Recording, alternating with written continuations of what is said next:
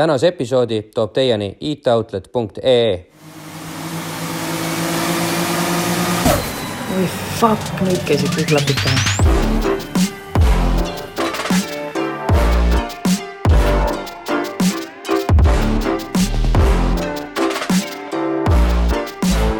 tervitused siit Podcasterite stuudiost, olete kuulamas autokultuurilist podcasti Klapid pähe ja, ja minuga koos on siin muidugi võluv Janne. ja minuga taaskord äh, eks äh,, äh, eks driftisõitja, eks rinkasõitja, eks rallikrossi sõitja Henri. ma ei ole lõpetanud veel Rallycrossi sõitmist, auto on alles, lihtsalt ei ole võimalust olnud praegu sõita. okei okay., ilm ei ole sobilik olnud. Aga meie oma taskuhäälingus räägime igasugustel motoriseeritud äh, tegevusi puudutavatel teemadel, olgu see siis, ma ei tea, pildistamine, disainimine, autode ehitamine, nendega sõitmine, whatever nagu kõik tehnilised, visuaalsed ja sellised asjad me siin äh, vaatame ja räägime üle. ja ka rääkimised ja kirjutamised, eks ole. jah, jah, muidugi., ja et tänases saates abistab meil nendel teemadel siis mees, kelle häälega on kasvanud üles mitu põlvkonda poisikesi. mees, kes on andnud hääle autode multikast tuttavale Toomas Vabakäigule. aga peaasjalikult on kodumaal tuntud ka kui vormel ühe kõla. ta on olnud kardisportlane ise, autovõidusõitja, punnvõrridega kihutaja, juhtinud autopilde Eesti ajakirja, Top Gear Eesti ajakirja, isegi olnud vahel eks- Eesti Ekspressi vastutav toimetaja aga muidugi on ta rääkinud ja- kirjutanud siis lugematutel autoalastel teemadel ka kõikjal mujal nendele eelmainitutele lisaks. nii et tere tulemast, Toomas Vabamäe. tere! tere, Toomas, sihuke, sihuke tiitlite nimekiri saadab sind ees. ma ei ole vastutav toimetaja Ekspressis muidugi olnud, ma olen lihtsalt, siiamaani olen Ekspressis lihtsalt toimetaja. Asendasid küll, ma mäletan, sa oled isegi olnud selle peatoimetaja kolumni oled paar korda kirjutanud, sest oli mingi niisugune segane aeg seal, täitsa meelega vaatasin välja ka hea. küll, hea küll, hea küll, jäin vahele. okei, aga mis tunne on olla siis kõikide autohuviliste poiste hääl, nagu nende peas olev hääl? ega mina ju ei tea seda. Et aeg-ajalt, aeg-ajalt on jah, tõstetakse, näidatakse meile kelle, kellelegi väikesele poisile, et näe, see siin on Toomas Vabakäik. no niisuguseid, niisuguseid momente on päris palju, aga nali, nali naljaks, aga muidugi need poisid on praegu niisugused juba sellised kahekümnendates aastates. ei ole midagi, Ei, meil ei, on, kõik ei ole, aga, aga esimesed kindlasti on, sest mis aastal see esimene autode multikas tuli? See oli ikka Ammu. päris ammu jaa. nii, meil on kolme, kohe kolmeaastaseks saav poeg ja tema üks lemmikuid on autode no multikas. eh, plaatide peal on ju olemas, DVD-de peal on need olemas, tõenäoliselt neid vaadatakse siiamaani. see on nagu aegumatu, sinu hääl on aegumatu. hurraa. igavesti jah, vaba käik. no selles mõttes jah, see, see žanr on natukene teistmoodi, eks ole, kui eh, reportaažid või, või kommentaarid. jube nagu tugevalt on võib-olla isegi liiga lähedal praegu. ma pidin nagu jõhkralt alla tõmbama, ma ei ole kunagi sellist asja teinud mm.. sa võid äh, lihtsalt vahele ka rääkida, siis me saame harmooniliselt edasi minna, selles mõttes, et see on ju kõik saate osa nagu, kui siin on mingid need, jah, technical difficulties. meil oli siin vahepeal jah, tehniline, tehniline värk. aga kus, kus äh, vabakäik Jaa. nüüd pooleli jäi? aga ma ühesõnaga võtan sellest kohast edasi. Et eh, need poisid suuremalt jaolt on ju, või noh, suuremalt jaolt, esimesed nendest, kes alguses vaatasid seda esimest osa, need on nüüd juba kahekümnendates eluaastates, ma arvan, aga, aga plaadid on ju alles, nii et noh, tõenäoliselt neid väiksematele poistele ja ka tüdrukutele näidatakse ikka endiselt. aga kuidas sa sinna sattusid üldse, selles mõttes, et see noh, kutsuti. täitsa kutsuti absoluutselt mitte midagi ei teinud, helistati ja öeldi, et vot niisugune asi ja kas tahad. jumala äge. kõik see nimedega mäng ja kõik see läks, on nagu see nii on, see hästi on. väga hästi-hästi tehtud jah, Timo Tiiner, kes oli selle tõlkija, kui ma õieti mäletan, noh, tema on ju ka autosportlaste perekonnast, nii et tal see oskusteave oli päris, päris Jaa, korralik, et ma olen ka hiljem, hiljem vaadanud, et ega tõlgitud on korralikult, et ega seal väga selliseid apsusid suuri tehtud ei ole Mhm. no kes Ameerika vaste sellel oli? äh,. Darrell Wardrip. tema on siis see nii-öelda NASCARi lege kommentaator, jah? Ei väga,, väga-väga äge tegelikult. jumala lahe projekt jah, et päris No inimesed on- on võetud sinna nagu selles mõttes mitte lihtsalt suvalised hääled, vaid mingisugused äh, osalised selles maailmas nagu, et see on väga kihvt. no see on äh, nagu ka välismaal alati on selline, kui välismaalastele räägin, et vot näed, et ma olen seal autode filmis olen, eks ole mm, -hmm. Daryl Waltripi asendaja, ja, ja et see on ikkagi kõva sõna jah on.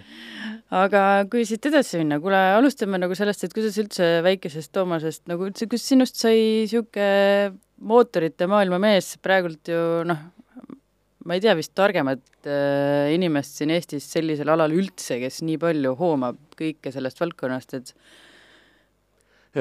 ma ei tea, kuidas see alguse sai, sest nii palju, kui ma ennast mäletan, kogu aeg on käinud mingisugune autode ümber mingi tants ja trall, üks, üks varasemaid momente, mis ma endast mä- mäletan, ma arvan, ma võisin olla nelja-aastane, me elasime Rakveres ja, ja ma ei osanud R-tähte öelda mm. -hmm. ja me käisime logopeedi juures, logopeed äh, oli Rakvere internaatkoolis ja rääkis, mis ta seal rääkis mina püüdsin ikka rääkida sellest, et internaatkooli buss oli jõle äge, mis seal ukse ees seisis. no noh, kõik linnaautod olid teada, meil oli üle tee oli Rakvere gaasikontor, seal olid need gaasiveoautod, mis balloone vedasid mm -hmm. noh, see oli muidugi ja neil oli iga kevadel oli ju tehti ülevaatust sealsamas kohapeal, noh, see oli niisugune suurepärane vaatemäng, nii et eh, ega pärast seda ei ole midagi muutunud põhimõtteliselt. niisugune tavaline poiss, mis poiss ikka, et äh, tehnika ja masinad absoluutselt. mm. -hmm. no jaa, aga kuhugi mingi hetk sa ju pidid nagu teadlikult siis nagu endale selle suuna võtma, et Äh, jaa, no see ei olnud nüüd, see ei olnud minu, tegelikult ei olnud see isegi minu otsus, aga noh, asjad, asjad juhtuvad, et pärast saad aru, mis, mis, mis juhtus ja millal juhtus. Tuhat üheksasada seitsekümmend seitse jaanuaris jõudis minuni esimene tollasest Tšehhoslovakkias välja antud ajakirja Svet Motor number, isa oli mul tellinud selle, noh, ta oli, isa oli mul kõva elektroonikahuviline raadioamatöör, no ikka tõeliselt kõva ja, ja noh, ta rääkis mulle kogu aeg, et noh, see auto, et see on jama, et elektroonika, see on ikka tuleviku, tuleviku, noh, ega tal põhimõtteliselt näeme ju, mis Jah. raadios toimub, põhimõtteliselt oli õigus, Jah. eks ole, aga noh, mina sellest välja ei teinud, sellest jutust suurt midagi. kuigi jah, muidugi ma õpp, õppisin ju tipis äh, programmeerijaks, nii et ma olen paberitega IT-spetsialist põhimõtteliselt. no nii et, et selles mõttes läksid ikkagi isa soovitatud teed ja, ja, ja et, et oleks vanemad rahul, aga ja siis ühesõnaga see hakkas mul siis käima ja see käis mul neliteist aastat. Nii et see võib öelda siis eh, millalgi aasta tuhat üheksasada seitse jaanuar oli siis see mm, -hmm. kus, kus pärast seda enam tagasiteed ei olnud. jaa, üheksakümne esimese aastani sama ajakiri. ja üheksakümmend oli viimane siis jah, et noh, üheksakümmend üks siis teda enam ei saanud tellida, et siis oli juba teine süsteem ja teised ajad. aga võib-olla seleta mulle ja mõnele kuulajale-vaatajale veel, mis ajakiri see täpselt on? see oli autoajakiri, ilmus, ilmus iga nädal kolmkümmend kaks lehekülge ja noh, meil ju tol ajal ei olnud ju, meil ju mm, -hmm. mis olid Eestis, Eestis äh, Margus Ants Kuuse kirjutas kaks korda aastas tehnika tootmises äh, automaailmast, noh, mis oli, mis oli tegelikult ülihariv ja ülihea. ja Kuuse oli väga hea kirjutaja, ta oli ka väga-väga hästi mm -hmm. kursis asjadega aga noh, see oli põhimõtteliselt, et noh, maailma vaatamine lukuaugu kaudu, seejuures mitte mingisuguse mingisuguse mm -hmm. aida lukuaugu kaudu, vaid sellises noh, abloi lukuaugu kaudu, kus ta ju tegelikult läbi ei näe, eks ole. Jaa, ja noh, selles mõttes see konteksti panemiseks ka, on ju, et noh, kui mujal maailmas autod kogu aeg arenesid edasi ja kogu aeg midagi toimus, siis Nõukogude Liidus Jaa, saavutati juba ideaal juba üsna varakult, et no jah, see on nagu see meemid, pildid, eks ole, et Just. Lada kakskümmend üks null viis pilt ja kuni tänaseni välja no, midagi pole Lada, muutunud. Ladaga jah, aga Wassiga, Wassi selle mm. Puharikuga on, on, Puhankaga tähendab, on ka ju need veel paremad naljad, aga nojah, ühesõnaga siis läks lahti ja ega muidugi seal ka, no see oli, Tšehhoslovakkias oli ka sotsialism ja, ja ideoloogiline võitlus oli seal isegi vaata, et surve selline oli partei poolt isegi, isegi kõvem kui meil siin Eestis ja ega seal seda lääne, noh, kui see ajakiri oli kolmkümmend kaks lehekülge, siis sellist lääne autondust, noh, seda oli seal, no võib-olla oli kümme lehekülge mm.. aga see oli, ja seda tuli, seda tuli ju iga nädal. nii ja et, nii et see oli noh, ühesõnaga sellest lukuaugust sai niisugune vitriin põhimõtteliselt. Aga muidugi ma olen pärast, olen nüüd oma autoajakirjaniku aegadel olen, olen äh, mitme tollase Svetmotori töötajaga hiljem kokku puutunud, eks ole, ja noh, ma olen neile ikka püüdnud rääkida, et noh, vot minu jaoks oligi, see oli niisugune aken maailma. aga nemad on ikka rääkinud, et õudne jama oli, et noh, sotsialismi ajal me ikka midagi ei saanud teha, et kogu no aeg ja pidime piiratud oli kõik. kogu aeg, kogu jah, et kogu aeg pidime, pidime kirjutama sellest, kui hea sotsialism Jah. on ja kui, kui ägedad on Tšehhoslovakkias Škodad ja Tatrad ja, ja kõik sellised asjad, noh, kõik on suhteline jälle, et, et noh, meie jaoks oli see jällegi meeletu selline avanemine. mm,. seda No. küll jah. samas ikkagi oli ka, oli ka tegelikult päris ägedaid Škodasid olemas ju, et see tagamootoriga. no need olidki, tollal olidki tagamootoriga, aga noh, eks nad, eks nad vaevlesid muidugi kõik selle sotsialistliku plaanimajanduse küüsis. no kahtlemata, aga noh, ikkagi põnevam kui siin eh, meie No tänavatel olnud needsamad Mosselada ei, seda muidugi ja noh, ta oli teistmoodi lihtsalt, et, et noh, meil isegi se- selliseid asju ei olnud, selliseid, sedamoodi ju ei kirjutatud, mingisuguseid autoteste meil ju kuskil ei tehtud, noh, seal nad testisid oma Škodasid, noh, tegelikult mitte ainult Škodasid, neil ju kuna Tšehhoslovakkias müüdi ka teiste sotsmaade autosid, siis seal käisid Daciad, Wartburgid, kõik Ladad, Moskvitšid, isegi Trabant, Polski Fiatid, Poloneesid, kõik sellised asjad käisid ka sealt läbi, noh, need olid asjad ju, mida meil keegi isegi ei teadnud, et eriti olemas on jah, siinpool jah. Aga millal äh, esimene niisugune päris lääne poolt tulnud ajakiri jõudis kätte või kuidas? Eh, isegi varem tegelikult, sest mingisuguseid Ameerika motortrende ja road and track'e, neid ikka sattus juba algkooli ajal kätte Mm mm.. -hmm. et see, ega, ega see ja noh, Soome omi samamoodi, et ega Mhm. see, ega see niisugune ja mingid Saksa või autokatalooge isegi, need automotor spordi kataloogi, neid ma ikka olin, olin varem mm -hmm. näinud ja ega see päris niisugune nagu täiesti tundmatus kohas vette hüppamine ikka ei olnud Mhm. nii, kui hästi sa nüüd tšehhi keelt räägid siis?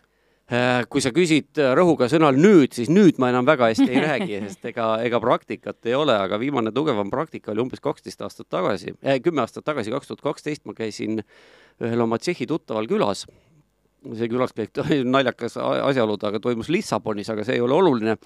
ja siis äh, pärast noh, need pere ju, need naisega elasid Lissabonis tol ajal, naine oli Tšehhi suursaadik äh, Portugalis ja siis ma käisin neil külas ja pärast kahte pudelit punast veini oli tšehhi keel absoluutselt sorav, polnud mitte mingisugust probleemi. sealjuures mees, kes pole kunagi tšehhi keelt ju teadaolevalt õppinud, eks ei ole no. ma ei ole õppinud jah, ma, mul õpik isegi oli olemas mingil ajal ja ma natukene teda lehitsesin, aga, aga jah, niimoodi lugemise ja, ja praktikaga on, on natukene külge jäänud. tegelikult jääb päris hästi niimoodi külge jah, kui sa oled no. näiteks isegi noh, oledki selles keskkonnas või, või siis äh, ma ei tea, täna siis lapsed vaatavad multikaid või mis iganes, tegelikult sealt jääb päris hästi külge. kohapeal, kohapeal keskkonnas olemine ja, ja kui sa ikka püüad selles keeles rääkida ja selles keeles aru saada, siis, siis see aitab tegelikult väga, väga kiiresti järje peale, aga see päris algus oli muidugi, mul oli kodus olemas tšehhi-eesti sõnastik, selline asi muideks on olemas kunagi kuuekümnendate aastate alguses välja antud.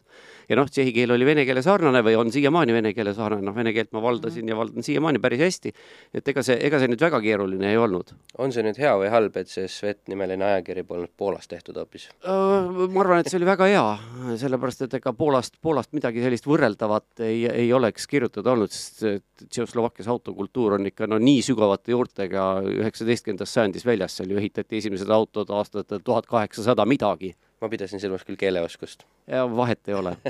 kui oleks, oleks poola keelega alguses pihta hakanud, siis oleks võinud sama, samamoodi järje peal olla. no poola keht-, peele, poola keele kohta ma olen kuulnud, et poolakad ise ütlevad, nad ei oska tihti ise ka, sest et neil li- grammatiliselt on neid nii välja jah, jah, see on tõsi, see on tõsi. Toomas oleks asja selgeks teinud, pole probleemi. aga lähme siis võib-olla sinu nagu selliste esimeste šedöövrite juurde, et tegelikult sa ju jõudsid juba töötada mitte autoajakirjaniku, ajakirjanikuna kõigepealt, aga ometigi esimesed lood tulid juba üsna varakult. jah, ega mul, mul sellist mingisugust plaani nüüd autoajakirjanikuks saada ei olnud. noh, muidugi, eks ole, koolis ju kogu aeg tuli kirjutada kirjandeid teemal, et kelleks ma tahan saada ja noh, need mm. -hmm. need ikka tiirlesid seal autode ümber tavaliselt, need, kelleks ma tahan saada. Kus need, kus need sul varieerusid tavaliselt? Oi, bussijuhist kuni autokonstruktorini mm. Või midagi sellist. võidusõitja jäi vahele. ka ei jäänud, ei jäänud vahele, ei jäänud, see oli ka muidugi.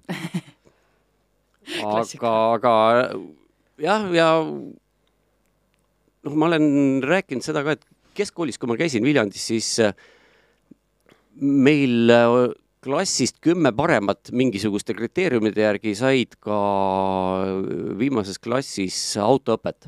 No mina nende kümne hulka ei mahtunud ja mul oli muidu oli plaan minna tippi õppima autondust, aga noh, kuna ma siis juhiluba ei saanud, siis vaatasin, et ega ei ole väga mõtet, no tollal ei olnud see nii lihtne nagu praegu. ja, ja noh, kuna see IT pool oli ka tollal teda küll niimoodi ei nimetatud, aga see oli ka huvitav, siis ja mul oli raadiotehnika oli teine asi, mida ma tegelikult plaanisin, ma tundsin helitehnika vastu kõvasti huvi. Aga lõpuks siis jah, sattus niimoodi, et, et läksin õppima erialale, mille nimi oli automatiseeritud juhtimissüsteemid. ja kui ma selle ära lõpetasin, siis suunati tööle Tartusse Vanemuise teatrisse Äh, ametisse, no vaneminsener oli täpsemalt öeldes küll see ametinimetus, aga, aga tänapäeval nimetatakse helimeistriks mm. seda, seda ametit, millega ma seal tegelesin. sättisid siis lavaheli? Jah, lavaheli ja noh, seal oli niisugune stuudiotöö põhimõtteliselt on see seal kokkulõikamine ja, ja noh, pärast siis, eks ole, etenduse ajal ka etenduse helindamine, niisugused, asjad ja, ja noh, eks seal aega oli palju, siis sai hakata seal bändidega lindistama ja, ja ringi käima, igasuguseid, igasuguseid asju sai tehtud. oota, kas sina oled siis mõne bändi plaadil nii-öelda mina heli...? mina olen Pantokraatori esimesel plaatil üks, üks kahest heliinsenerist no vot, ja kes võib-olla ei tea, siis Pantokraatorist sai hiljem põhimõtteliselt Tago. ei, Pantokraatorist No, ei saanud, Pantokraator on läksid. siiamaani, tähendab, üks mees läks sealt äh, ainult. laulja ja klahvpillid ja ei, Erik Sakov ei läinud sinna. ei läinud? ei, ei, ei, ei, ei. no vot, Panto, Panto on edasi sellise projektina on edasi, nii et no vot, aga, aga autondusega jah, oli ja, siis Erik Sakov oligi see, kes kutsus mind Vanemuisest ära Tartusse sõbramajja tööle. see maja tegutses selle nime all küll ainult ühe aasta, siis anti maja omanikele tagasi ja, ja tegevus lõppes, aga, aga sõbramajas oligi see, kus sealt sai alguse Sõbramaja baarist kus ma kohtasin, kus ma kohtasin Kalle Müllerit, kes oli tollal ajalehe Liivimaa Kroonika peatoimetaja. ja noh, see autonduse alane lollus oli tollal ikka vohas nii laialt ja, ja noh, mulle tund-, tundsin, olin ammu juba tegelikult tundsin, et noh, et Kas midagi on no, muutunud? et, et ma ei noh, ma arvan, et ikka on jah, et okei okay.. Äh, natukene teistmoodi. et äh, noh, mul on neid teadmisi oli juba nii palju tolleks ajaks kogunenud, aga mingit väljundit ei olnud mm. -hmm ja siis äh, pakkusin Kallele, et kuule, et näed, siin trabantidest räägivad inimesed ja kirjutatakse igasugu jama, et, ma kirjutaks sulle ühe korraliku loo sinna ja noh, Kalle oli nõus ja, ja niimoodi kirjutasingi ja see on no vot, täpselt seesama seal, see pilt meil on siin ekraani peal üks neljateistkümnes november tuhat üheksasada üheksakümmend üks.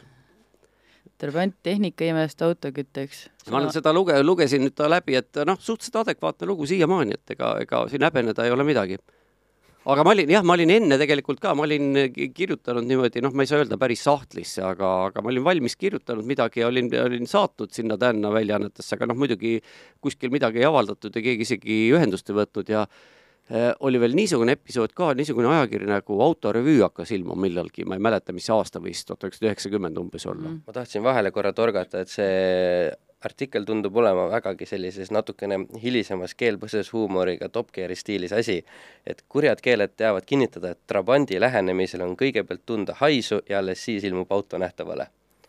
no vot, noh, noh, no Top Gear oli tollal ka juba olemas tegelikult. aga mitte naljakas. jah siis, ta oli väga informatiivne veel. jah, just, just. aga see on siis nagu niisugune esimene päris on, see oli esimene, aga ma tahtsin selle autorevüüni välja jõuda, et eh, siis nad otsisid omale kaastöötajaid ja ma käisin, käisin Vello Kola jutul ka. no ma ise elasin Tartus, siis käisin Tallinnas tema jutul. aga noh, muidugi ta ei, ei pidanud mind äh, vääriliseks, sest noh, esiteks mingisugune suvaline mm -hmm. jorss ilmub Tartust kohale ei ole auto kellel ei ole, kellel ei ole juhiluba, kes ei ole kunagi midagi kirjutanud ja miks ma peaks ta tööle võtma, no ma saan tast täiesti aru mm. -hmm. no pärast ma muidugi mingisugune kümmekond aastat hiljem rääkisin Kalale seda, noh, tema oli täiesti ära unustanud. ahaa, aga noh, no minu, minu arusaam ongi see, et noh, tõesti, tal ei olnud mingit põhjust mind tööle võtta. ei no muidugi võõras, noh, absoluutselt jah, just. CV oli täitsa vale. jah. jah, no vot, ja see oli esimene asi ja noh, sealt siis Liivimaa Kroonikasse tegin, siis oli Postimees, ma ei tea, mis asjad kõik vahepeal veel kõik olid, aga esimesest septembrist tuhat üheksasada üheksakümmend üheksa olen ma täiskohaga ajakirjanik. jaa, aga vahepeal jõudsid sa ju olla ka võidusõitja ja kardisportlane ja töötada siis vist ka mujal, eks ole, ja no ma insenerina ja jah, kui see Sõbramaja otsa sai, siis ma töötasin Ericssonis, noh, need äh, juriidilised kehad olid küll erinevad, aga põhimõtteliselt äh, olin siis Ericssoni pea ja käed ja jalad Lõuna-Eestis. ja, ja sealt siis hiljem, hiljem jah, üheksakümmend üheksa läksin siis täiskohaga ajakirjanikuks, aga jah, vabakutselisena ma tegin kogu, kogu selle vaheaja tegin midagi, aga see võidusõidu pool no siin on see pilt on aastat tuhat üheksasada üheksakümmend kuus, see oligi mul esimene, esimene kardihooaeg. aga see on jälle kõik, kõik asjad niimoodi äh, sattusid üksteise otsa, et äh, oli mul klient äh, Valter Teppan, hilisem Estfieldi isana mm -hmm. tuntuks saanud. ja tal oli siis võidusõidutiim, noh, poeg sõitis tal ka kaarti päris kõrgel tasemel. Ja lõpuks ju ka vormeliga väga kõrgel tasemel. üks kõrge kõrgemale jõudnud eestlastest tegelikult vist. no põhimõtteliselt võib jah öelda, et äh, vormel Palmer Audi sarjas Inglismaal osalenud.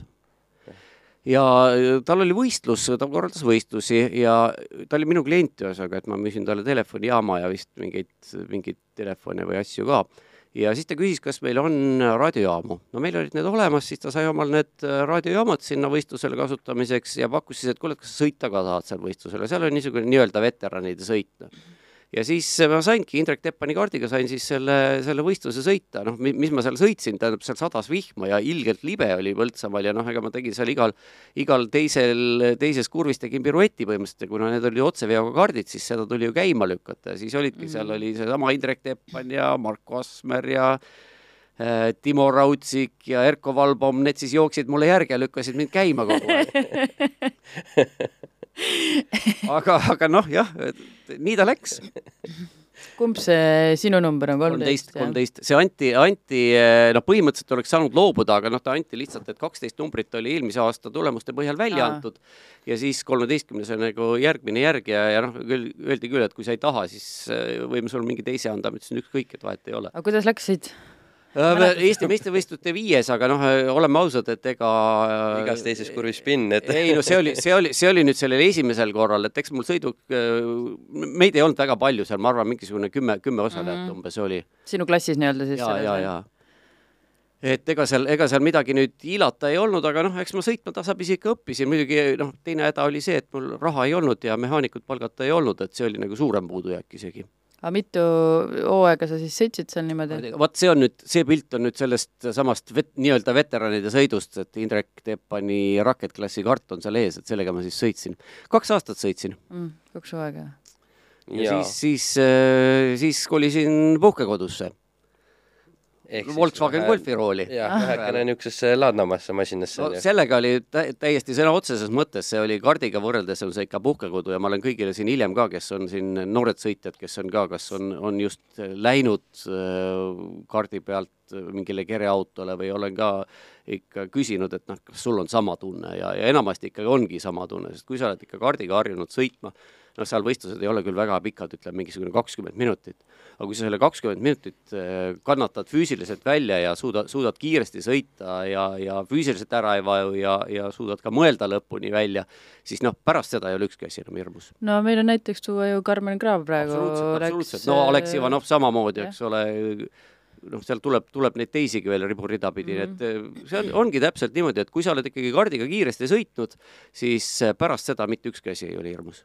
ja, ja no tegelikult ju hobikaartki paned selle kaheksa või kümme minutit ära, mis sulle antakse seda aega ja no kui sa ei ole, kui sa ei ole harjunud jaa, kui sa ei ole harjunud, siis see kaheksa kuni kümme minutit võtab täiesti läbi, aga noh, minul on praegu, kui ma mingil lihtsamal rajal, välisrajal käin, noh siis selle kümne minutiga ei, ei saa isegi otsaesist märjaks praegu ja see, see on tegelikult, ei, see on täi-, täiesti kõigil, kui on noh, mu füüsiline vorm muidugi ei ole see, mis mm, -hmm. mis oli kakskümmend aastat tagasi ammugi enam, aga aga ikkagi, et see on, see on täiesti teine maailm, et see, see valmistab nii hästi ette. see kardisõit jah, just. -hmm. no ja kaua sa siis seda golfi jõudsid nühkida? Äh, neli hooaega, vot kui palju need päris pikalt ju. kui jaa, kui täielikult, no esimese hooaja ma sõitsin enam-vähem täielikult, see on nüüd mingi hilisem pilt, ma kahtlustan, et see võib päris viimasest hooajast olla kaks tuhat üks. Ja siin on üks, vot see on üks äh, stardi, mina olen see tagumine seal numbriga kaheksakümmend kas sa oled õiget pidi ja tema on valepidi või vastupidi või? mina olen, mina olen valepidi, ma tegin, see on Aarne Sõna on, kelle auto siin paistab ka natukene, kuskilt tagantotsast startisin ja tegin, tegin maru hea stardi, aga, aga keegi tagant trügis, trügis nurka ja siis mm. enne kui ma arugi sain, siis ma Lõid just vaatasin valele poole, nii et Mm -hmm. aga selliseid asju ikka juhtus, no see oli Pärnu vana rada, kus oli ju see stardisirg oli hästi lühike ja autod olid seal sõna otseses mõttes kahemeetriste vahedega. no see on nii-öelda vaste sellele, mis täna on see BMW kapp, et äh, selles mõttes, et suhteliselt võrdsed autod ja ja, ja, ja, ja, ja üsna, üsnagi reeglitega nagu sarnaseks nuditud, et, et kõik püsiksid koos ja just, ja tegelikult ongi, et pikk-pikk rivi, et sealgi sellestki ajast räägitakse ju legende, kus toimus nii-öelda hakklihamasin, ehk siis lisaks kvalifikatsioonile veel ka eelsõit, et saada põhisõitu ja No no, no jah. täpselt sama, mis täna BMW-s. just, no mina, mina nii hulludesse, ma esiteks punkt üks, ma Riias kordagi sõitmas ei käinud ja, ja kahetsed? noh, mina ei tea, no ega ei tea ju, võib-olla tänu sellele jäin terveks, eks ole, ja auto jäi alles. tegelikult lahe rada selles ei, muidugi on lahe rada, vähemalt selles üldse minu lemmik. Ja ei, ma selles üldse ei kahtlegi, aga, aga kuidagi kukkus niimoodi välja, et ma Riias jah, kordagi sõita ei saanudki, aga sellest ma olen Tallinnas linnaringil sõitnud ja Tartus lennuväljal sõitnud. no vot meil linna, linnas ei ole võimalik sõita enam. on, driftivõistlused ikka aeg-ajalt, väga harva on toimunud, mõned aastad Aa. isegi järjest. noh, see, täitsa filtri teel saanud Jah. sõita. ja, ja no ja, ja noh. tegelikult ju kardivõistlus oli ka Tartus ju kesklinnas lausa täiesti. Tallinnas? Tallinn. see oli juba nüüd mõned-. Tuhat üheksasada üheksakümmend seitse siis ei ilmselt. no tere, tere, ma läksin kooli siis. no vot, mina, mina sõitsin kaardiga Tartu kesklinnas ja, ja Lauluväljakul, noh, Lauluväljakul vist on hiljem ka tehtud, et seal on igasuguseid motorispordivõistlusi. Jaa, seal on küll on, see on alles- nagu loogiline koht, noh, rallid on ju seal enam-vähem iga aasta ja. Alles hiljuti seal oli midagi tõesti, aga kuidas sul selle, selles, nendes sõitudes siis läks? Äh, ka niimoodi keskpäraselt, et esimene hooaeg vist oli, hooaja kokkuvõttes oli vist Eesti meistrivõistluste seitsmes koht, aga noh, hilimese, hilisemad hooajad ei olnud enam, enam terved hooajad, nii et seal noh, ei ole, ma, isegi ei mäleta täpselt, aga noh, esimene aasta oli niisugune, siis ma olin ikka kõva keskmik, et seal sai noh, Raimo Langiga sai võidu sõita kõvasti ja Priit Pööbeliga ja kas äh, nii-öelda see kardisõidu ja, ja selle golfiga selle ringkasõidu, need andsid, andsid sulle nagu midagi juurde ka selleks äh, ajakirjaniku jaa, karjääriks? tegelikult, tegelikult mul oligi ka, kui ma läksin äh, sinna kaardiga seda oma esimest hooaega tegema, siis noh, üks asi, miks ma tahtsin muidugi see, et oleks, oleks lõbus, et fun'i oleks. mm. -hmm. aga teine asi ka, et siis ma olin juba ikka päris, päris mitu aastat olin kirjutanud ja noh, mitte ainult, ainult äh, tavaautodest, aga, aga võidusõidust ikka ka niimoodi jõudumööda, et eks ma ju hoidsin silma peal seal kogu aeg. ja, ja see mõte oli ka, et ikkagi ma valmistan ennast ette, et ma tahan, ma tahan näha, mismoodi see asi seestpoolt välja näeb, mis, mis seal toimub ja, ja see ongi see loogika, et, et ega vahet ei ole, kas sa võistled hobikaardiga või, või vormel ühega, see võistluse sisemine loogika on alati täpselt ühesugune absoluutselt, tunne on ju tegelikult mõnes mõttes just, sama. just, et sa pead samadele asjadele mõtlema, sa pead, sa pead samu asju põhimõtteliselt tegema. noh, võidusõit on võidusõit, just, on ju. just, et ega, ega seal suurt vahet ei ole. just, et ega see maratoni jooksmine pole ka ju teistmoodi, oled sa tipp või, või mitte, eks ole, Just. jooksed ikka. just, ja, ja mõtled alati, et pagan, oli siis seda nüüd vaja no. aga miks sa sõitsid nimel e Toomas Erikson, mitte omaenda aa, jaa, jaa, õigus, jah. kauni eestipärase nimega? tahtsin, ei, mult küsiti tol ajal ka ja siis ma ütlesin ikka, et, et mul seda päris nime on mujal ka vaja. nii, palun selgita. no vot, ei ma rohkem ei, teada, teadaolevalt ma peaksin olema esimene, kes varjunime all Eestis sõitis. ilm, ilmselt küll, jah eks neid hiljem on tulnud korduvalt erinevaidki ja tavaliselt Jah. on nad sellised nii-öelda suurärimehed, kes ei soovi võib-olla näidata Ja, ja. kõigile oma Mhm. Potentsiaalsetele klientidele või noh, ütleme siis nii, et rahvale, kes nende teenust pidevalt tarbivad. just, just, et ma tean jah, on, on inimestel selliseid probleeme olnud, et, et noh, kuidas, kuidas ma panen, eks ole, mingisugused logod külge, et siis mul ju kliendid küsivad, ahah, et, ja, et ja. meie, meie maksame sulle raha ja sina nüüd siin põletad bensiini ja tiirutad ringi lõbu pärast. no tegelikult ma saan sellest aru nagu Jaa, mõnes no, mõttes. jah, ei minul seda probleemi ei olnud, et äh, kuigi mul kliente oli, pigem oli vastupidi, vastupidi, et äh, ma sain, kliendid olid mul sponsorid. aa, nojah, jah. et sellist, sellist noh, muidugi need rahad olid, rahad olid väga väikesed, aga, aga abiks ikka, nii et lihtsalt huvi pärast, mis tollel ajal maksis äh, võidusõiduhooaeg mäleta, klassis absoluutselt ei mäleta, aga ma võin sulle öelda, et selle Golfi ma ostsin kolmekümne tuhande krooni eest. mm. -hmm. ja see on, see on umbes kaks tuhat eurot. keskmine palk oli tol ajal mingi neli pool tuhat krooni. Üheksakümmend kuus, no ma ei tea jah, midagi sellist võis olla vast, ma peast nüüd ei mäleta. no ütleme siis niimoodi võrdluses, ega need numbrid ei olegi nii tähtsad, et mis maksis ta nii-öelda, kas üks võidusõit maksis ühe keskmise palga, kuu, kuu keskmise palga? mm, jään ausalt ei mäleta, absoluutselt ei mäleta, ma ei mäleta, palju olid eh, noh, vaata esiteks on need eh, rahaühikud on nüüd ei, teised. seda muidugi, ma mõtlengi, et noh, ma ei mäleta, mis, mis reeglid maksid, mis oli eh, osavõttemaks, ma ei mäleta isegi, no ma võin enam-vähem tuletada, mis bensiiniliiter maksis. no tol ajal mingi viis, viis krooni võis vast maksta või kuus tõenäoliselt. minu arust vähem, sest ma mäletan, et meil ahjuküte mujal oli sel ajal, kui süsteemi ehitati, oli umbes selline, et maksis euros ja kroonis täpselt sama mm. Ehk siis kroonis oleks poolteist krooni või midagi niisugust oli liiter ja nüüd on poolteist eurot, eks ole no,, liiter, et noh, poolteist krooni liiter, seda ma küll ei tea, aga kui, kui kroonil üle mindi. Vot see oli see ahju- see oli ahjuküte, võib-olla see punane lihtsalt, ja, eks ole. kolm, kolm krooni liiter oli siis, kui rahareform oli, see oli umbes selline mm. Mhm. noh, ilmselt ongi, et Võis küll mootori olla, jah. bensiin on kallim jah. aga, aga jah, ei, ma ei mäleta, absoluutselt ma ei mäleta seda, mis, mis need, mis need. Toomasel läks nii hästi tööalaselt, et noh, ta ei lugenud. ja, ja, ja Polnud vaja lugeda. aga mis sind ajendas siis lõpetama või kuidas nagu no ikka see, et ega raha ei ole, aega ei ole, noh, ega midagi ja see läks kallimaks ka, sest seal Mhm. reegleid lasti, noh, see oli, see oli nagu suur viga, millest ma loodan, et praeguse BMW sarja korraldajad suudavad hoiduda, et ei lasta reegleid vabamaks mm. mm? -hmm. et seal oli väga lihtne asi, mis selle lõpliku põntsu pani, kui lasti mootoril nukkvõll vabaks.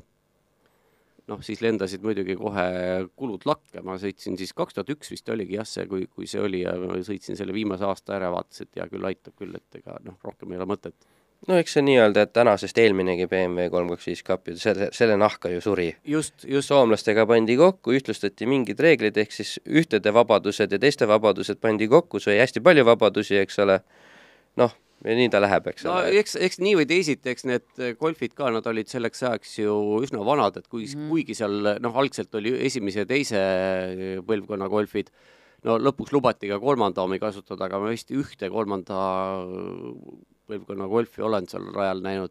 no need autod olid juba vanad ka, eks ole, noh, tegelikult nad ju ei no eks see loomuliku surma aeg oli ka, et just- nagu see eelminegi BMW sari ju kestis üle kümne või kümme aastat või, päris kaua rohkem, olid need, jah. just, et lätlased ju ka alustasid kas üheksakümmend neli või üheksakümmend neli vist oligi mm -hmm. Mhm. jah, esimene või üheksakümmend viis, millal see esimene, esimene aasta oli, et noh, see kestis ka ju, see jäi ju veel peale mind ka seal. oi, minu arust ma esimesed korrad, kui ma nägin Tallinna linnaringil vist veel osalesid nad seal mina olen ka linnaringil ju sõitnud kaks tuhat üks. jaa, aga noh, ma ütlen, ma olin natukene vanem juba siis minu arust isegi, et äh, mingi kaks tuhat neli võis jaa, kaks tuhat neli oli kindlasti, sest kaks tuhat neli ma käisin Pärnus sõitmas Yaris Cupi ühte võistlust ja siis ma seal sõitsin võidu Andres Alliga, kes oli golfiga. et jah samal, samal, samal ajal olime rajal, sama, noh, samas startis. mm. -hmm.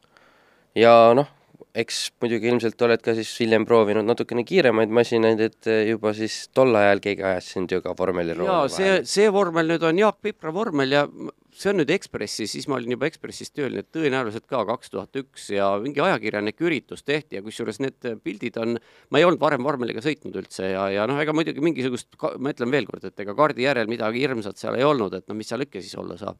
Et keeruline asi vormelil muidugi oli käiguvahetus, seda ma Tagurpidi. Eh, jah, natukene ma kartsin jah, ta on ikkagi, ikkagi nii, nii väikeste käikudega, noh, see käigukongi liikumisteed on nii lühikesed, et seal peab hästi täpne olema. ja kui ma ei eksi, siis nendel olid ju need tagurpidi sapakakastid ka, ehk siis Just. Esimene käik ei olnud mitte ees vasakul, vaid taga all või see, see nagu see nagu väga ei häirinudki lihtsalt, aga, aga selle oli veel see, siin pildi pealt ei paista see välja, aga vihma sadas. No see oli, see oli märjal rajal aa, ja, ja, Jaa, ei paista, kui sa nüüd ütled, siis tegelikult paistab ja siin on, seal on teine pilt veel, kus ma autos istun ja seal on näha, et auto peal on, on vihmapiisad, nii et nii et see tegi, see tegi veel, veel palju huvitavamaks seda. no kahtlemata, iga, iga sõit on huvitavam, kui sajab vihma. ja, ja. kas ka meeldivam on teine asi, eks ole? jah, aga ei, see ei olnud, ei olnud midagi, oli, oli üllatavalt, üllatavalt altsas oli see riistapuu. No muidugi, ega seal nüüd teab mis kiirust ka ei saanud arendatud, see on ka täiesti selge. see oli nagu ühekorrasõit või see oli ühekordne, see oli lihtsalt tehti ajakirjanikele mingi üritus Aa. ma ei mäleta, mis see ajend täpselt oli, aga, aga seal oli rahvast rohkem. ei hakanud käed sügelema, ei, et tahaks, et päris lahe, et tahaks jälle. saaks käed mootorisse lükata ei no noh, see, see auto oli juba tollal, eks ole, mingisugune kakskümmend viis, tubli kakskümmend viis aastat vanad ja noh, nad sõidavad siiamaani, ma ikka aeg-ajalt komment-, käin kommenteerimas neid ja ja noh, nad on ju algusest peale ikkagi põhimõtteliselt prototüübid, nad on algusest peale üsna haprakesed, ega see töökindlus ei ole midagi hiilata. ja noh, see, et ehitad seal kolmsada kuuskümmend neli päeva aastas ja siis võib-olla üks päev saad sõita, eks ole, noh, see, see ei ole see, mida ma tahaksin, et mm -hmm. mulle ikka meeldiks rohkem sõita ja vähem seal mootoris sees peadpidi olla. nii, aga hakkasid midagi edasi, edasi ka sõitma, on, on veel olnud peale neid? oh, ette on tulnud igasuguseid asju jah, ei ma olen kaardiga olen aeg-ajalt ikka käinud võistlemas ja noh, hobikaardiga muidugi ja no vot, siis See on oli, see on rotaksi aeg juba. see on juba rotaksi aeg jah, see on kaks tuhat kaheksa.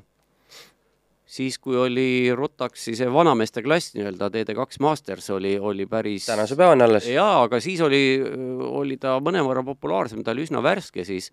täna vist on seal sõitmas niisugune kolm kuni viis sõitjat, et jah, aga, aga tollel võistlusel oli, no ma täpselt ei mäleta, Raplas, no mingisugune viisteist umbes või midagi sellist mm, -hmm. lätlasi, leedulasi sealhulgas, et siis Masters tähendab seda, et need on nii-öelda teatud vanusest alates. alates kolmekümne kahest. aa, no vot, ma saaks Masters olla juba. rahulikult saaksid. ainult et aeglane ilmselt. noh, kuidas, kuidas võtta, noh, samas näiteks Meelis Laido tuli viiekümne aastaselt Eesti meistriks aa no. selles klassis. ma pidasin silmas eelkõige kehakaalu vahet. noh, jah, kuigi seal on jah, ega seal kaaluga, kaalu natukene lubatakse, miinimumkaal on kõrgem kui noorematel. ehk siis ainult kakskümmend kilo ülekaalus saab olla, eks no ole. mina olin oma selles äh, TD2-ga ei olnud äh, ülekaalus, aga kui ma seal äh, alustasin üheksakümmend kuus, üheksakümmend seitse, siis ma olin tubli kümme kilo ülekaalus. Ma ei olegi mõelnud, et kehakaal ka seal oluline on. seal on väga oluline, kui, kui, kui kardi pluss sõitja miinimumkaal oli sada nelikümmend kilo ja sa oled kümme kilo ülekaalus, siis noh, põhimõtteliselt on see lootusetu seis. no sa oled ikka kalendriga saad siis juba. juba, juba ainuüksi selle kümne kilo pärast. et ülimalt osav pead olema, et noh no mina nii osav ei olnud. et võib-olla täna, ma ei tea, Marko Asmer või keegi suudab seal nagu no lõppkokkuvõttes, kui sul teine kuhugi. samasugune on vastas, ega siis, siis ei ole, no ei ole ei no tähtis ongi see, et sul oleks kellegagi koos seal bussidega, kui jah. on viis-kuus tükki ja teised on just kümme kilo kõik kergemad või kakskümmend kilo kergemad, siis ja, ja. siis, siis läheb keeruliseks ikkagi. aga igatahes sa oled no siis vot nagu siin on seesama Timo, Timo Raudsik, kes mind kunagi, kunagi Põltsamaal käima lükkas, siis tema oli minu mehaanik. Ikka peaaegu nagu professionaalne sportlane juba. noh, jah, no ma võin, no tolle, tol hetkel ei olnud, aga noh, nüüd ma võin jah, kui siin nagu värskem autospordi saavutus, kui sa siis küsisid, siis hobikaardi võistlusel äh, langekaardikuinn sain kolmanda koha, seal anti no vot, palun väga, selle, selle nimetatud Rahaline auhind. ei, need olid küll kinkekaardid ainult, aga ikkagi. rahaline auhind siiski suurem kui suures osas päris võidusõidus, eks ole. no vot jah, täitsa see ei aasta. tegelikult, kui ma nüüd meenutan, siis seal Toyota Yarise mis koha ma seal sain, kas neljanda või viienda koha sain äh, Pärnu sellel võistlusel, siis seal anti ka ikkagi mingisugune väike ümbrik oli. ja tol ajal Aa. oli jah täitsa siuksed no asjad. see oli Toyota, Toyota Balti toetas seda sarja. Mhm. täna on vist nagu Rallycrossis ja driftis siuksed nagu rahanumbrilise väärtusega auhinnad Mhm. et äh, Eestis olevatest siis nagu erinevatest võidusõitudest, kus sellist asja üldse on, et Rallycrossis läheb see tavaliselt sinu järgmiste etappide osavõtutasuks ja no eks, eks ja need driftis antakse päriselt sularahaga ümbrik kätte. nojah, no vot, no vot, no midagi ikka, eks ole, see on muidugi meie, meie summad Ei, ei, no- ole sellised, et sa seda mingisugust Jah. märkimisväärset osa eelarvest saaksid sellega katta, aga noh, ikkagi. ei noh, sellega natukene kindlustatakse seda, et sa järgmine kord oled vähemalt võistlusnimekirjas juba olemas, et äh, et noh, abiks seegi ikkagi et tegelikult. jah, ei, ma aeg-ajalt ikka, kui on, kui on vähekesegi saanud ja, ja tunnen, et no vot, see on nüüd viimane, viimane, seni viimane, palju meid siin oli, ma just mõtlesin, kaheksa No, kaheksa tundub ei Üheksa pigem üheksa jah. Põltsamaal kaks tuhat neliteist. ja, ja see on, ma arvan, et mu kõige parem kaardivõistlus, sest siin ma olen vasakus reas teine selle kirju kiivriga mm. -hmm. ja seal ma sain kvalifikatsioonis neljanda koha, mis noh, võttis ikka mul endalgi suu lahti, et ma olin noh, põhimõtteliselt ilma igasuguse ettevalmistuseta sinna läinud. noh, hea kart oli, Talvari tiimi kart oli ja, ja korralik mehaanik, nii et selles, selles mõttes kõik taust oli, oli suurepärane aga võistlus ei läinud jah, no kiiruse poolest oleks võinud neljas olla jah, aga seal igasuguseid asju juhtus ja, ja ma siiamaani kirun, seal oli eelfinaal, see on sama eelfinaali start siin ongi ja, ja kes vaatab, näeb, et kõikidel kartidel on all vihmarehvid. ja seal oli niisugune olukord, et oli just oli tulnud korralik vihmahoog ja küsimus oli, et milliste rehvidega nüüd minna rajale, et kas, kas äh, sajab veel või jääb kuivaks sest vahetada ju ei või vahepeal. vahetada ei või, kui sa oled läinud juba eelstardialasse sisse, siis vahetada ei tohi, et enne seda tuleb see otsus ära teha.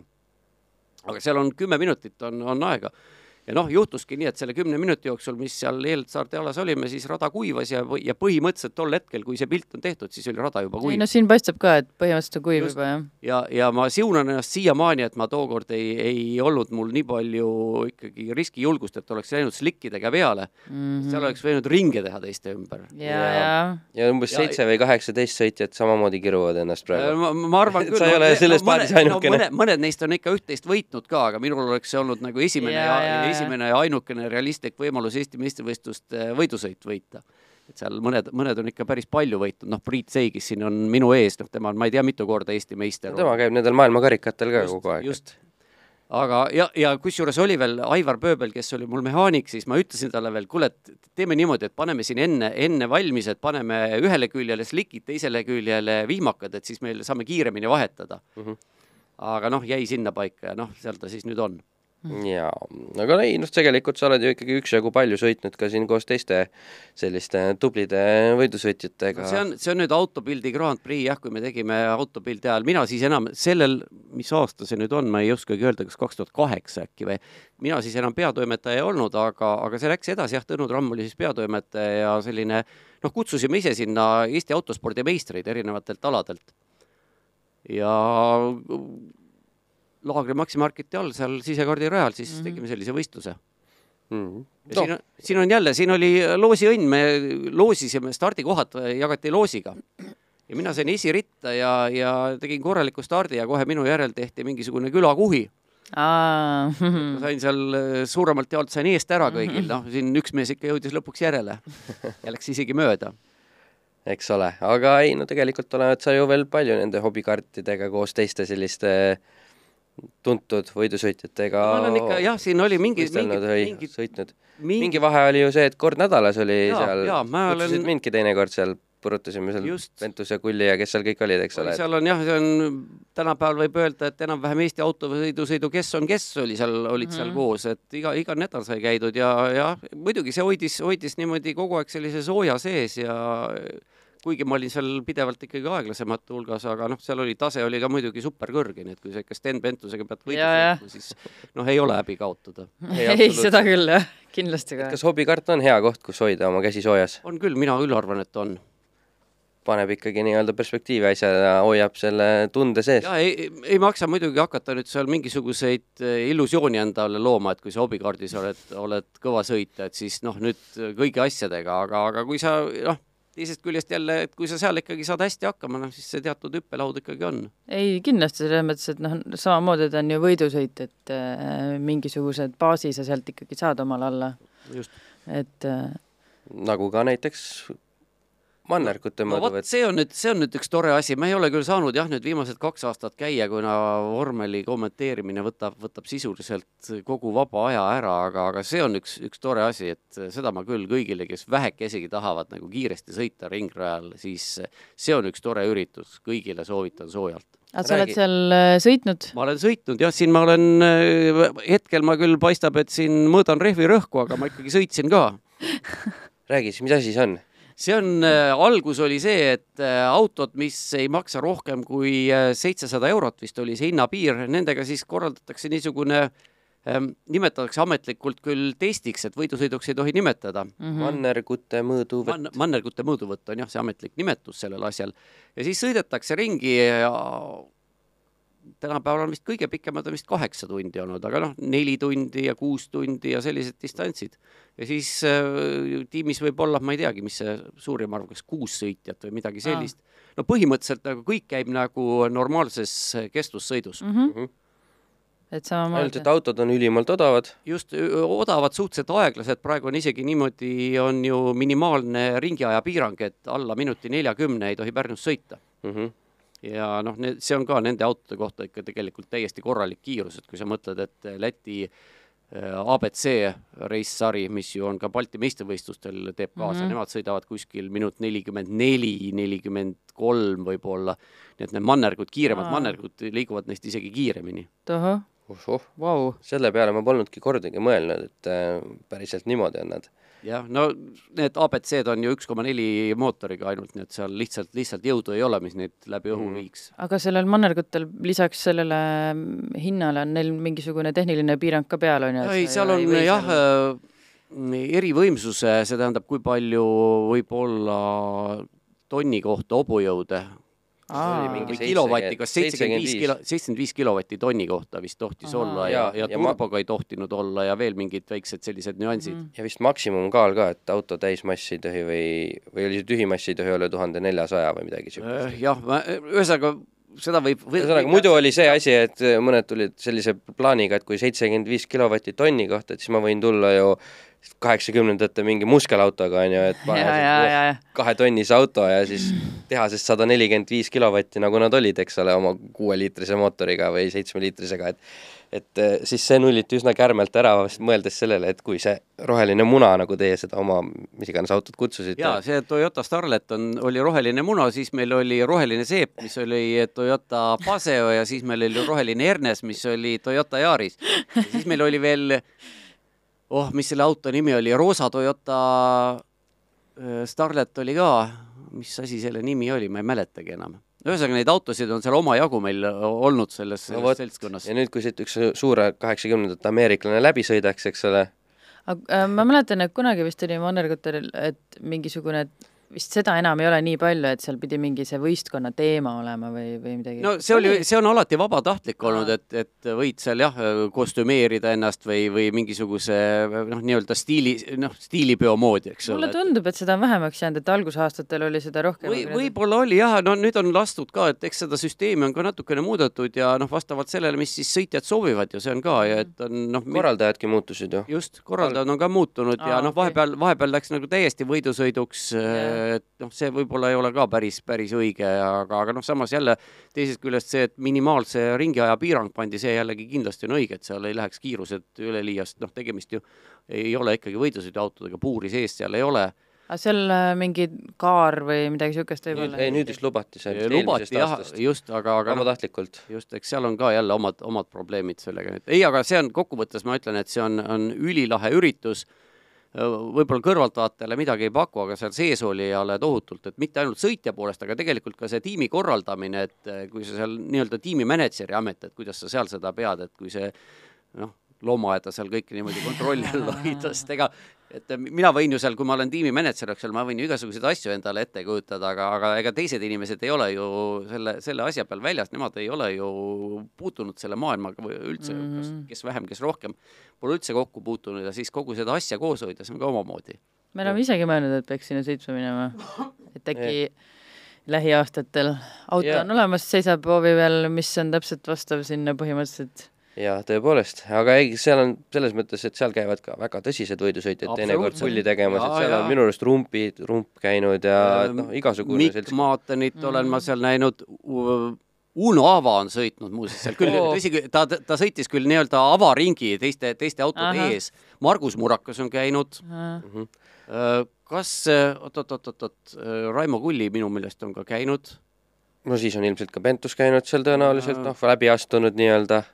jah, siis on äh, perekond Tunder on seal käinud, tuntud BMW sõitjad, noh, mul kõik ei tule meelde kindlasti Ja, ja, praegu, ja, nii et ja. seal on, on ikkagi, ikkagi selline väga-väga tuntud võidusõitjaid on ka ei no käinud. ta on täpselt niisugune väga lihtne ja väga kergelt eh, lahendatav ka, et mõtled, et mis teeme järgmine nädal, kuule kutsid, lähme teeme ringi noh no et päris, päris nii lihtne muidugi ei ole, et see auto ettevalmistuses ikkagi pidurid tuleb ikka üle vaadata pidurid ja jahutus on kaks asja, mis on elu no, on näidanud. Mõned vahetavad siin eh, eesmootori keskmootoriks ühe ööga, mis see siis need No pidurid ja ja Janne tegi väikse jah, niisuguse viite ühele driftisõitjale, ühele endisele driftisõitjale, kes proovis äh, autol taga keskmootorit, pani Audile taga, mootori taha keskele, eks ole, siis avastas, et äh, driftida on tore küll sellega, aga jube kiire on, et siis teiste autode taga ei ole võimalik sellega püsida, sest kipub otsaks minema. Ja siis järgmiseks õhtuks või järgmiseks päevaks nad tõstsid selle mootori ette-tagasi et ühe ühe ööga põhimõtteliselt jah. jah, ja Et siis noh- sai võistlus jätkuda, eks ole, või noh, nende, nende jaoks või oli see mingi testipäev või midagi, et lihtsalt, et nagu nii lühikese ma ajaraamistiku mäletan, et see oli jah, täiesti nagu hommikul ikka ütles, oot, teise koha peal on kõik. et saab ka nii teha, jah. asi see siis pidurid ära hooldada on, eks ole, nädala et- jooksul. Äh, kiired poisid teevad vutt-vutt-vutt ära ja aga see on üks äh, tegelikult selles mõttes väga kihvt sari jah, et äh, ja, ja noh, ma olen kuulnud küll sellist äh, päris autosportlaste, noh, ma tahaks öelda see päris niimoodi jutumärkides, et poolt sellist juttu, et ah, mis see on, see on mingisugune lolli mängimine, Jaa, ei see ei ole lolli mängimine, see on see on suurepärane ettevalmistus kestvussõitudeks. kuna meil Balti meistrivõistlustel on praegu lausa kaks kestvussõitude klassi, on kahetunnisõidud ja kuuetunnisõidud, siis sinna, kui sa oled selles äh, mannergute mõõduvõtul ikkagi nagu aru saanud, mis toimub, sul on korralik auto, siis seal kahe tunni sõitudes kaasa teha ei ole mingisugune eriline kunst. mm, jaa, no seal on ikkagi täiesti mõõduka rahakotiga võimalik kaasa lüüa, eks ole. absoluutselt, nii mõlemas, ma mõtlen siis nii mannergutes kui ka siis selles kahetunnisõidus, jah. et just. et võrdlemisi niisugused äh, mõnusad reeglid. aga eks pulli on ju veel tehtud, et äh, ka näiteks siin punnvõrridega Oh. oh. jaa, No no nii. see on jaa, just, et ei ole mulle ka kaherattalised võõrad jah, aga ma pean küll ausalt tunnistama, et ega ma punnvõrist kiirema kaherattalisega sõitnud ei ole ja heakene küll selle Vene Riiga mopeedidega, need, mis olid kahekäigulised, nelikümmend üheksa koma kaheksa kuubikut, sellega olen ka sõitnud, aga mingi päris mootorrattaga ma ei ole elu sees mitte, mitte meetrit ka sõitnud. aga see punnvõrindus, see sai jälle Top Geari aegadest alguse. et see noh, ma teadsin, et see on niisugust asja Eestis tehakse, et need olid ka erinevad seltskonnad olid, aga siis aastal kaks tuhat kolmteist oli, lugesin, ilmselt oli see siis Facebookis, et äh, punnvõrri entusiastid teatasid, et nemad kirjutasid, nemad teevad nüüd kahekümne nelja tunnise punnvõrisõidu uh -huh. ja kirjutasid Top Geari Clarksonile, et noh, kutsuvad nemad ka kohale noh, mina muidugi Eesti Top Geari peatoimetaja mõtlesin, nad võivad ju Clarksonile kirjutada, aga noh, see võimalus, et nad siia tulevad, et kolm tola, see on põhimõtteliselt null. Ja kirjutasin siis ise neile korraldajate, et noh, et inglastega on nagu on, aga et äkki teeksin midagi koha peal. ja esimene mõte oli siis see, et paneme sinna kahekümne nelja tunni sõidule välja Balti Top Geari, Eesti, Läti, Leedu tiimi. Ja see oli esimene mõte. Ja, aga Leedu Top Geari peatoimetaja Renaldos Kabartas hüppas alt ära ja siis võtsime Raivo E-Tamme tema asemele ja sõitsimegi esimese hooaja siis mina, Raivo E-Tamm ja Läti Top Geari peatoimetaja Ilmar Slikums sõitsimegi kolmekesi selle kahekümne nelja tunnise sõidu. Need on nüüd küll, kahjuks ei ole ükski sealt, see on, see on Rakverest minu nooruspõlveradadelt ja see eelmine pilt oli Mõisakülast, aga, aga no vahet ei ole, ühesõnaga pilt on põhimõtteliselt mm -hmm. ikkagi, ikkagi sama, ega, ega suurt, suurt seal ei erine. et sõitsime selle läbi, noh, eks seal remontimist muidugi oli, oli omajagu, et äh, ja, ja meil oli noh, korraldajad andsid meile võrri toona, see, see number kakskümmend viis on nüüd minu enda isiklik, aga, aga esimese sõidu me tegime jah, korraldajate antud võrriga, mille, mis oli veel väntadega. hoogu juurde. see on täpselt nagu jalgratas ju. ja seda nimetatigi, nõukaajal nimetatigi seda abimootoriga abimootoriga jalgrattaks. jalgratas, jah. kui ka asend on pea nagu superbike'il juba. no ega, aga kui sa mõtled, et sellel on ju mingisugune no kui, kui tal on kaks hobujõudu, ma, ma väga, ma väga kahtlen, siis, siis iga ruutsentimeeter rindpindala on ülikallis.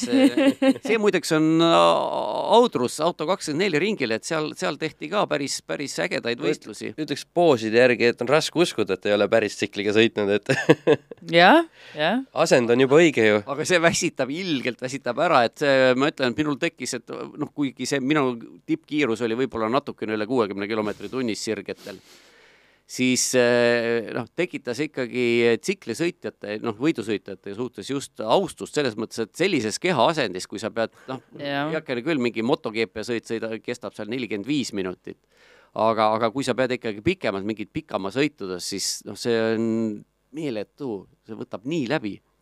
No ütleme, et väikest, väikese hobi tsiklimehena öeldes, siis päris mootorratta peal on see asend oluliselt mugavam võtta kui selle riga peal. no võib-olla ka jah, et Ja- seal ta ei ole nii sunnitud. siin on sa ikka pingutad selle asendi nimel., just jah, et siin jah, et noh, see oleks nagu jalgrattal istuksid seal sadula taha pakiraami peale ja nagu korraks mäest alla tulles, et on küll raske. siin ilmselt ei, nii ei ole. ei ole väga palju disainerid eh, noh, vaeva näinud selle no ega, ega ta ei olnudki mõeldud, ta oli ikka püsti, No ma ütlengi. sõitmiseks niisugune, no nagu ma ütlesin, abimootoriga jalgratas. ei no ta oli jah, tädi Maalile mõeldud, kes läks sellega oma talust äh, autol Afgani ja tagasi, eks ole, et mida, äh, midagi sellist jah. et mäest üles minnes oleks võimalik äh, natukene jalavaeva vähendada. aga no igal juhul, igal juhul ma olen kolm kahekümne nelja tunni sõitu punnvõrriga läbi teinud. aga, aga ma arvan, kahekümne nelja tunni sõit ka veel., just ei no mitu korda kolbi vahetasite? ei, kolbi ei vahetanud kordagi, sest noh, tänapäeval need üldiselt on päris hästi pidama saadud, noh, õlid on palju paremad, see on üks, üks, üks kõige olulisemaid asju. Et meil on kõige, kõige suuremad probleemid on olnud süütega, et äh, sellega läks aastaid enne, enne kui jäi, jäi süüde pidama mm. -hmm. aga viimati, kui oli see nüüd üle-eelmisel aastal või kui oli Otepääl kahekümne nelja tunni sõit, siis põhimõtteliselt me sõitsime esimesed kas, kas kuusteist tundi niimoodi, et äh, ainult kalla bensiini peale, mitte midagi vaja ja, ja õlita ketti, mitte midagi vaja teha rohkem ei olnud.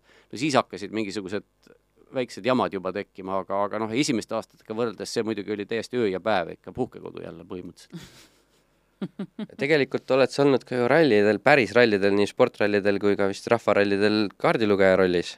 jaa, rahvarallidel ma olen olnud põhimõtteliselt ikka enamasti roolis, aga, aga kui sa nüüd äh, küsid päris ralli, jah, siis see pilt on äh, jällegi mina kui Tšehhofiil Tšehhimaal äh, Historic Vltava rallil, aasta oli vist kaks tuhat üheksa. Ja see on jälle niisugune huvitav, huvitav avantüür, et äh, Alar Hermanson, kes hiljem ju tuli Historic Rally Euroopa meistriks, tema on seal piloot mm. -hmm. ja, ja nemad otsisid, oma tiimiga otsisid äh, ma ei tea, mis iganes põhjusel omale kedagi kaardilugejat sinna selleks samaks Vltava ralliks. ja siis kuidagi nad minuni jõudsid ja noh, tegime proovi siin, kaardilugemise proovi ja siis läkski niimoodi, et okei okay,, teeme ja mina, ma mäletan veel, see oli mingisugune kevadine aeg, kas oli aprillikuu või ma olin veel kuskil äh, mingisugusel autoüritusel, nii et nemad, nemad vist tulid äh, autoga Eestist ja mina tulin lennukiga kuskilt, kuskilt mujalt mm. Prahasse ja ühesõnaga saime seal kokku ja ei, väga äge üritus oli, me võitsime seal oma, oma klassi isegi. Oh.. aga jah, ma olen Euroopa Historic Rally meistrivõistluste etapivõitja no kui nüüd päris aus olla, siis noh, Alar oleks ilma minuta ka selle võitnud, et mulle, ütleme niimoodi, et mul ei õnnestunud tema võitu segada seda, see ongi ju kaardilugeja juures kõige olulisem. absoluutselt ja noh, eks meil oli seal õnne ka, et äh, selles mõttes õnne, et, et lähemad konkurendid, neil kogu aeg juhtus, nii kui nad mm. no, asfaldi, seal sõideti muidugi põhiliselt asfaldil mm. nagu, nagu Kesk-Euroopas ikka see, no see on see, üsna, see on ongi... üsna, see on üsna lagunenud asfalt. ma just tahtsin küsida, kas terve see asfaltitee oli sellise ei, ei, ena, enamasti oli ikka täiesti korralik ah, okay. asfalt, aga, aga oli sellist ja, ja oli ka veel hullemat mida, mida isegi see on, on nagu nende Iiri asfaldirallide autode vedrustused on ju kruusavedrustused, mis just, on asfaldirehviga, eks ole. ei, seal nii, seal nii hull ei olnud, seal oli ikka selline klassikaline asfaldiralli, kuigi jah, vahepeal, vahepeal see rajakate oli küll selline, mida ma ütleks, et oli freesasfalt mm. -hmm, yeah. aga, aga noh, põhimõtteliselt ikkagi ja konkurentidega oli jah, nendega seal eh, lagunesid ära, et eh, lätlastest vendade paar, ma ei mäleta enam, mis nende nimi oli, aga põhimõtteliselt oligi, meil oli käigukastiga oli õudne probleem lõpu, lõpuosas, et tuli, tuli, oli ainult teine ja kolmas käik ja neidki tuli käega sees hoida kogu aeg, et välja ei hüppaks. Mm.. ja siis kiiruskatse peal need lätlased panid meist mööda, kadusid kurvi taha, meie tulime kurvi tagant välja, näeme suur tossupilv ees ja rada on õliga üleni kaetud ja, ja üks Tšehhi paar, kes Škodaga sõitsid, noh, need olid täiesti ikka, ikka müstiliselt kiired. Neil juhtus midagi samasugust, et need panid ka omal kepsud kotti ja, ja me siis venisime oma kahe käiguga lõpuni no vot, selleks, et klapid pähe ei käiks või kepsud kotti ei läheks, siis on ju võimalik näiteks äh, tegeleda hoopis e-autospordiga, on ju? jaa, absoluutselt, et see on, see on nüüd niisugune tore tubane, tubane huviala. sinna ma jälle sattusin, sattusin tegelikult tänu hobikaardile, et sealt tekkisid mingisugused kontaktid inimestega, kes seal sõitsid, noh pärast selgus, et muidugi ma enam, enamikku nendest võistlejatest tunnen kuskilt mujalt. aga sinna kaks tuhat kakskümmend või üheksateist, millal ma sinna sattusin, jah. ja nüüd ma olen vahelduva, vahelduva eduga seal ise sõitnud ja kommenteerinud ja Need võidusõitjad, keda siis Toomas tunneb, on nagu a la vennad Korjused ja Kulli ja igasugused äh, kaardid. no Raimo, Raimo Kulli on jah, seal ka üks, üks, tema on nüüd ka äh, Eesti Autospordiliidu simulaatorikomisjoni esimees. aa, nii? jah, minu, minu mäletamine, ringrajakomitee esimees ka veel lisaks. jah, seda tean. et äh, hea koht, kus siis äh, nii-öelda nii maailma kui Eesti autospordi tippudega rinda pista täiesti mõõdukate äh, võimalustega, eks ole jah, no siin nüüd, kui eelarvetest rääkida, siis äh, siin on mul veel mitte päris esimene rool, aga, aga teine, esimese rooli äh, Logitech Momo, kes teavad, mis see on, need teavad, selle ma ostsin kahekümne üheksa euroga. no ta ja. oli muidugi, ta oli Seda muidugi pruugitud. toodeti minu arust umbes aastast kaks tuhat üks alates. just, ma arvan, et need, need poisid, kes vaatasid, hakkasid kolmeaastaselt vaatama autosid, neil olid neil kõigil need roolid ka enam-vähem olemas, nii et ja, ja siis ma jah, olen omal siin riistvara tasapisi täiendanud, siin on nüüd need asjad, mis siin pildil paistavad, siis nendest on mul ainult see, see enda ehitatud äh, nii-öelda riig või raam alles, kõik mm -hmm. muud asjad on juba, ai, tool on ka alles, jah. Solbergi edition muideks, mitte, mitte niisama aga enamik asju on jah välja vahetatud, eks see, eks see seal käibki niimoodi. rallisportlane Toomas. jah. no tegelikult äh, jah, selles mõttes mulle see e-autosport meeldib, et põhimõtteliselt saad sa ikka väga odavate vahenditega just, tegelikult just, seal alustada just, juba ikka just, väga odavate. isegi kui arvuti hind sisse lugeda, siis või on no täiesti ja. võimalik tuhande euroga tulla nagu Eesti ja, meistriks ab. absoluutselt, noh kui noh, võib-olla tuhandega Eesti meistriks just päris ei tule, eks ole no ütleme esikolmikusse sõita siis, ja see on küll jah, täiesti realistlik jah. Et nendesamade Logitechi G kakskümmend üheksa ja roolidega seal vennad korjusid. eks samamoodi. ajapikku lihtsalt saad ju Just, parki vahet, vahetada, täiendada ja just, kunagi ilkusime vist äh, ühe korjuste üle, et äh, sõitis köögitooliga, sest äh, kontoritoolil olid rattad all ja see liikus ära, aga köögitoolil oli jube hea kirjutus laua taha panna ja siis sõita ja ta sõitis minu arust esikolmikusse, sellepärast Jaa. saigi temaga tehtud siis nii-öelda võistlusjärgne kommentaatori intervjuu. just, just. et täiesti, täiesti võimalik niimoodi, aga nii, kui sa oleksid nüüd täna äh, nagu sa oled ja tahaksid äh, hakata võidusõitmisega tegelema, mis on sina kui suur nagu autospordi kommentaator kõigi klasside sarjadega oled kursis, millega peaks hakkama sõitma, et kuhu peaks minema sõitma?